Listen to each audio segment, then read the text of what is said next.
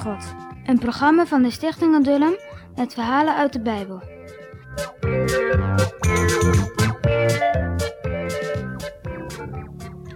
Ja, en hoe mooi het bij Elim ook was. De Israëlieten konden er niet blijven. Ze waren op reis naar het beloofde land, waar het nog veel mooier was. Daarom zei de Heer Jezus tot Mozes dat ze verder moesten gaan. De wolkolom rees op en ging weer voor hen uit om de weg te wijzen. En het volk dat volgde, mannen, vrouwen en kinderen. Komt gij kinderen, niets kan hinderen. Uwer is het koninkrijk. Komt gij kinderen, niets kan hinderen.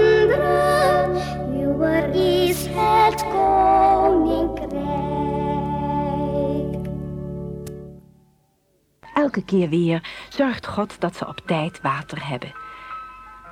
Ook voor eten zorgt hij, want ze kunnen natuurlijk onderweg geen brood kopen. In de woestijn is helemaal niets te koop. Er zijn alleen maar distels en struikjes waarvan de dieren eten. Maar verder is er niets dan zand, rotsen en hitte. Maar God zorgt voor hen. God laat het brood uit de hemel regenen. Geen echt brood, maar iets heel anders. S'morgens vroeg, als het eerste morgenlicht over het tentenkamp valt, is het er. Kleine witte korreltjes liggen overal op de grond. Mozes zegt, dit is nu het brood dat God jullie geeft. Heel voorzichtig rapen ze wat korreltjes op en ze proeven het. Lekker. Een beetje zoet. De vrouwen proberen om er wat van te maken. Ze bakken er koek van en broodjes. Heerlijk.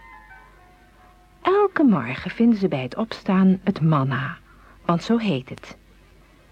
En er is voor iedereen genoeg. Alleen op Sabbat, de zondag van de Israëlieten, valt het niet. Dat geeft niet, want de dag daarvoor ligt er dubbel. Op Sabbat hoeven ze niet te werken. Ook voor vlees zorgt God. Af en toe komen er zomaar duizend kwakkels het kamp binnenvliegen.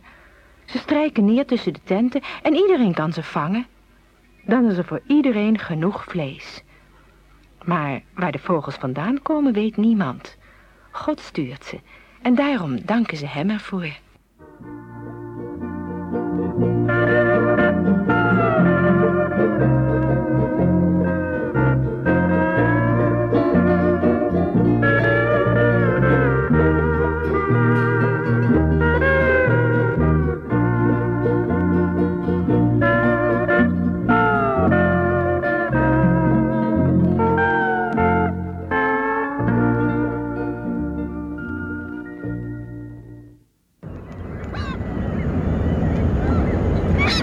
Terwijl de Heere van zijn volk zoveel had verwacht dat zij nu wel tevreden zouden zijn. En nu ze vlees kregen, vlees zomaar uit de hemel, met een geweldige wind over hen heen gestormd. Nu begonnen ze juist te mopperen.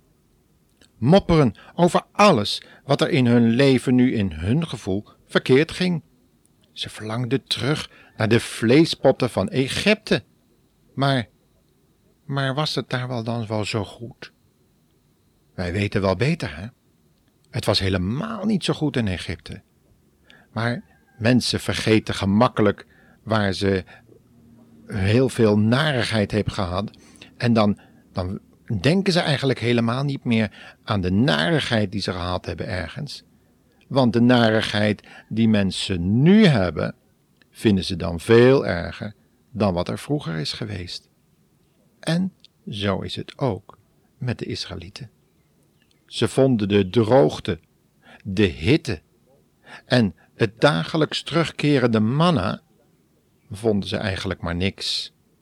Want dat manna, dat ging hun de keel uithangen. En dat vlees, ja, weet je wat er gebeurde?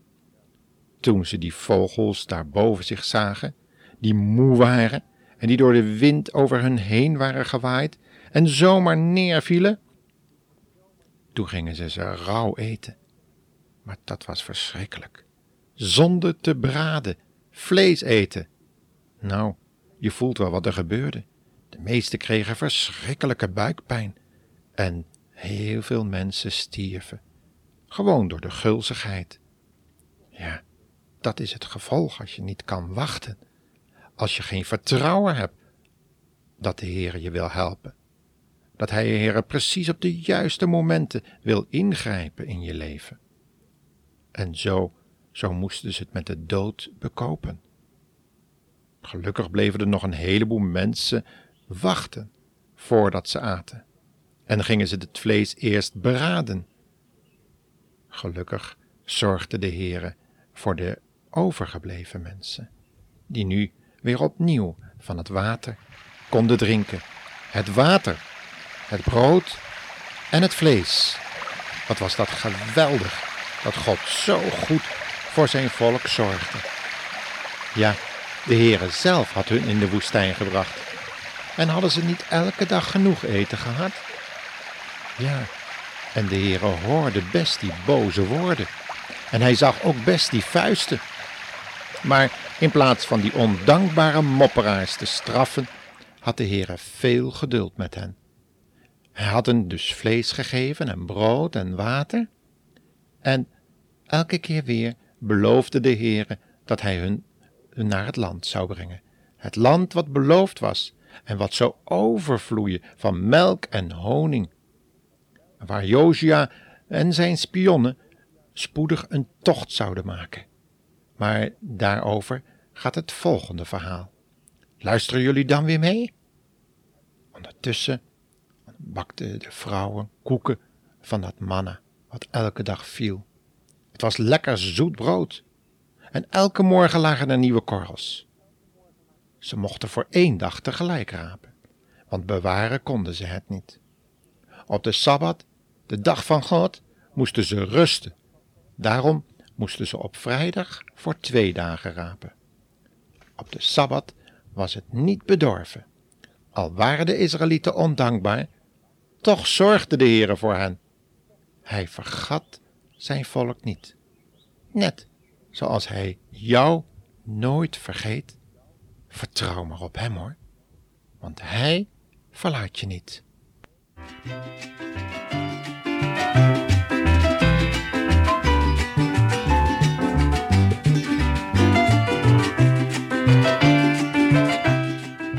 En dan uh, zijn we weer nu aangekomen bij de quizvraag.